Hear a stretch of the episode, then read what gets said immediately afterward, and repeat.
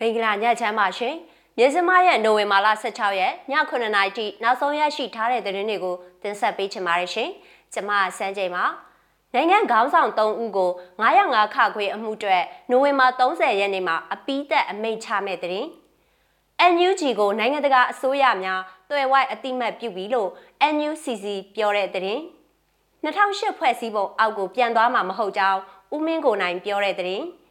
နီပွန်ဖောင်ဒေးရှင်းဥက္ကဋ္ဌရဲ့မြန်မာခီးစဉ်ကဂျပန်အစိုးရစီစဉ်တဲ့ခီးစဉ်မဟုတ်ဘူးလို့ဂျပန်နိုင်ငံခြားရေးဝန်ကြီးပြောတဲ့တဲ့အစရှိတဲ့သတင်းတွေကိုတင်ဆက်ပေးပါတော့မယ်ရှင်။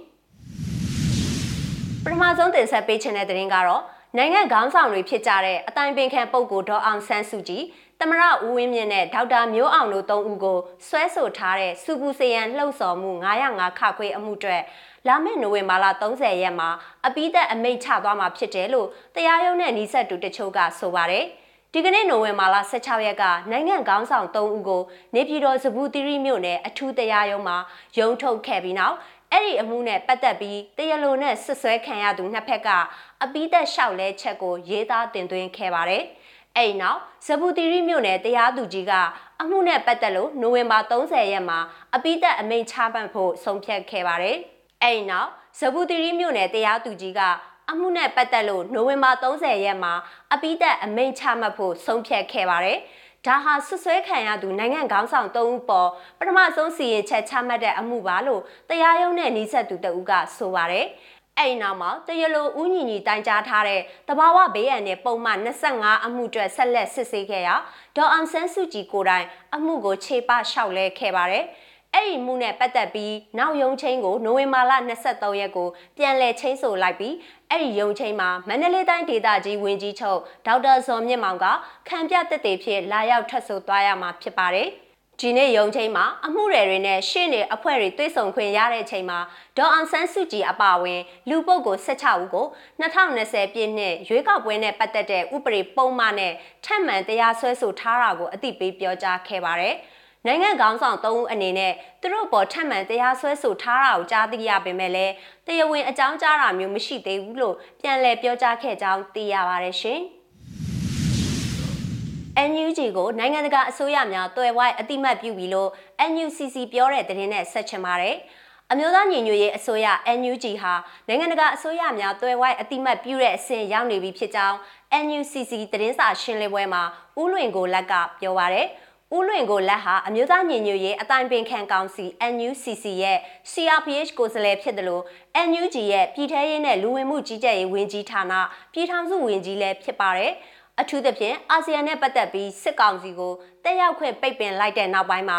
NUG အစိုးရနဲ့နိုင်ငံတကာအစိုးရတွေ့ဆုံမှုမြင့်မားလာပါတယ်။ အတိမတ်ပြုမှုအဆင့်ကတွဲဝိုက်ပြီးအတိမတ်ပြုတဲ့အဆင့်ကိုရောက်ရှိနေပြီဖြစ်တဲ့ဒီထက်ပိုပြီး NUG အစိုးရကိုတရားဝင်အတိမတ်ပြုဖို့စ조사နေတာရှိတယ်လို့သူကပြောပါရယ်အမျိုးသားညီညွတ်ရေးအတိုင်းပင်ခံကောင်စီ NUCC က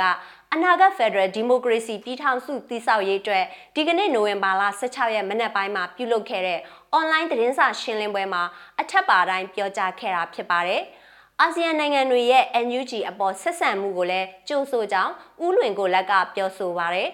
NUG ရဲ့နိုင်ငံခြားရေးဝန်ကြီးဌာနဟာဗြိတိန်အစိုးရနိုင်ငံခြားဝန်ကြီးဌာနရဲ့ဒနတဟာယနဲ့နိုင်ငံတကာဖွံ့ဖြိုးရေးဝန်ကြီးဌာနတွဲဆုံမှုအပါအဝင်နိုင်ငံတကာအစိုးရတာဝန်ရှိသူတွေနဲ့တွဲဆုံဆွေးနွေးမှုပေါင်း28ကြိမ်အထိရှိလာခဲ့ပြီးဖြစ်ပါတယ်။ လက်ရှိချိန်မှာ NUG အစိုးရဖွဲ့မြန်မာကိုယ်စားလှယ်ရုံးခန်းတွေကို Czech သမရနိုင်ငံ၊တောင်ကိုရီးယားနိုင်ငံ၊အမေရိကန်၊ UK ၊ဩစတြေးလျနဲ့ပြင်သစ်နိုင်ငံတို့မှာဖွင့်လှစ်ထားပါတယ်ရှင်။2008ဖွဲ့စည်းပုံအောက်ကိုပြန်သွားမှာမဟုတ်ကြောင်းဦးမင်းကိုနိုင်ပြောတဲ့သတင်းကိုလည်းတင်ဆက်ပေးချင်ပါတယ်။ စစ်အာဏာရှင်များစိတ်တိုင်းကြရေးဆွဲခဲ့တဲ့2008ဖွဲ့စည်းပုံအခြေခံဥပဒေအောက်ကိုပြန်သွားမှာမဟုတ်ကြောင်းအမျိုးသားညီညွတ်ရေးအတိုင်းပင်ခံကောင်စီ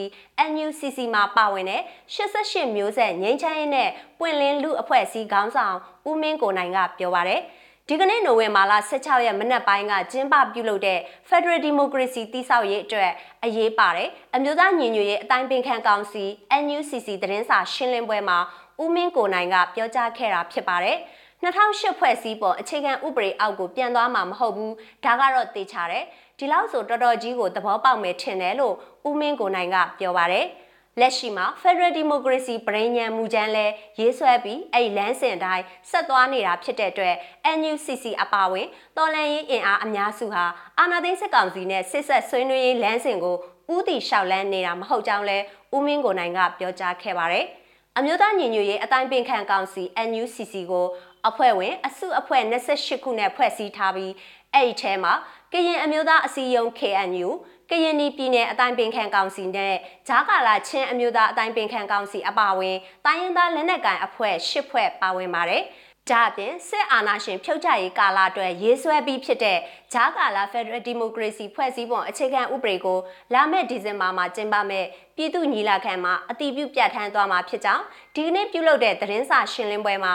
NUCC တာဝန်ရှိသူတွေကပြောပါရရှင်။နောက်ဆုံးတင်ဆက်ပေးချင်တဲ့သတင်းကတော့ Nippon Foundation ဥက္ကဋ္ဌ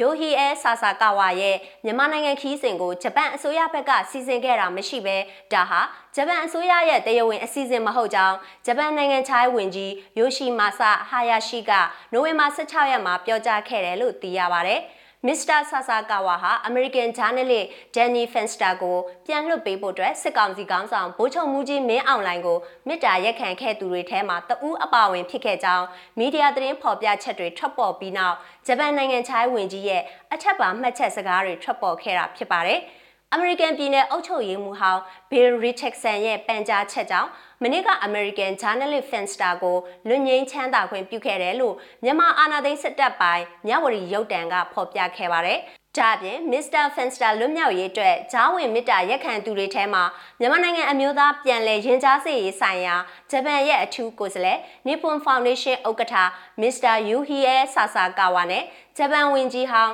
Hideyo Watanabe တို့လည်းပါဝင်ခဲ့ကြောင်းဖော်ပြခဲ့ပါတယ်။မစ္စတာဆာဆာကာဝါနဲ့မစ္စတာဝါတာနာဘီတို့ဟာမြန်မာစစ်တပ်နဲ့ကြားနှစ်များစွာနီးကပ်တဲ့ဆက်ဆံမှုတွေရှိထားခဲ့ကြပါတယ်။ မစ္စတာဆာဆာကာဝါဟာအာနာသိန်းစစ်ကောင်စီဥက္ကဋ္ဌဗိုလ်ချုပ်မူကြီးမင်းအောင်လှိုင်နဲ့တွေ့ဆုံခဲ့ပြီးအဲ့ဒီတွေ့ဆုံမှုမှာပြောဆိုဆွေးနွေးမှုနဲ့ပတ်သက်ပြီး Nippon Foundation ကမှတ်ချက်ပေးခဲ့ခြင်းမရှိပါဘူး။အမေရိကန်ဂျာနယ်လစ်ပြန်လည်လွတ်မြောက်မှုမှာမစ္စတာဆာဆာကာဝါလည်းဂျားဝင်မေတ္တာရက်ခံပေးခဲ့တဲ့ဆိုတဲ့သတင်းတွေနဲ့ပတ်သက်ပြီးသတင်းစာရှင်းလင်းပွဲတစ်ခုမှာမေးမြန်းတာကိုဂျပန်နိုင်ငံခြားဝင်ကြီးယိုရှိမာဆာဟာယာရှိကဖြေကြားရမှာ သူအနေနဲ့မစ္စတာဆာဆာကာဝါနဲ့ဗိုလ်ချုပ်မူကြီးမင်းအောင်လှိုင်တို့တွေ့ဆုံခဲ့မှုကိုသိရှိကြောင်းဒါပေမဲ့မစ္စတာဆာဆာကာဝါရဲ့မြန်မာခီးစဉ်ကိုအစိုးရကိုယ်စားလှယ်ဆိုတဲ့သူ့ရဲ့ယာထူးနဲ့စီစဉ်လှုပ်ဆောင်ခဲ့တာမဟုတ်ကြောင်းနဲ့ဂျပန်နိုင်ငံခြားရေးဝန်ကြီးဌာနအနေနဲ့အဲ့ဒီခီးစဉ်စီစဉ်ရမှာပါဝင်ပတ်သက်ခဲ့တာမရှိခဲ့ဘူးလို့ပြောခဲ့ပါတယ်။ ဂျပန်အစိုးရအနေနဲ့အစင်လာအားဖြင့်တော့မစ္စတာဆာဆာကာဝါနဲ့အကြား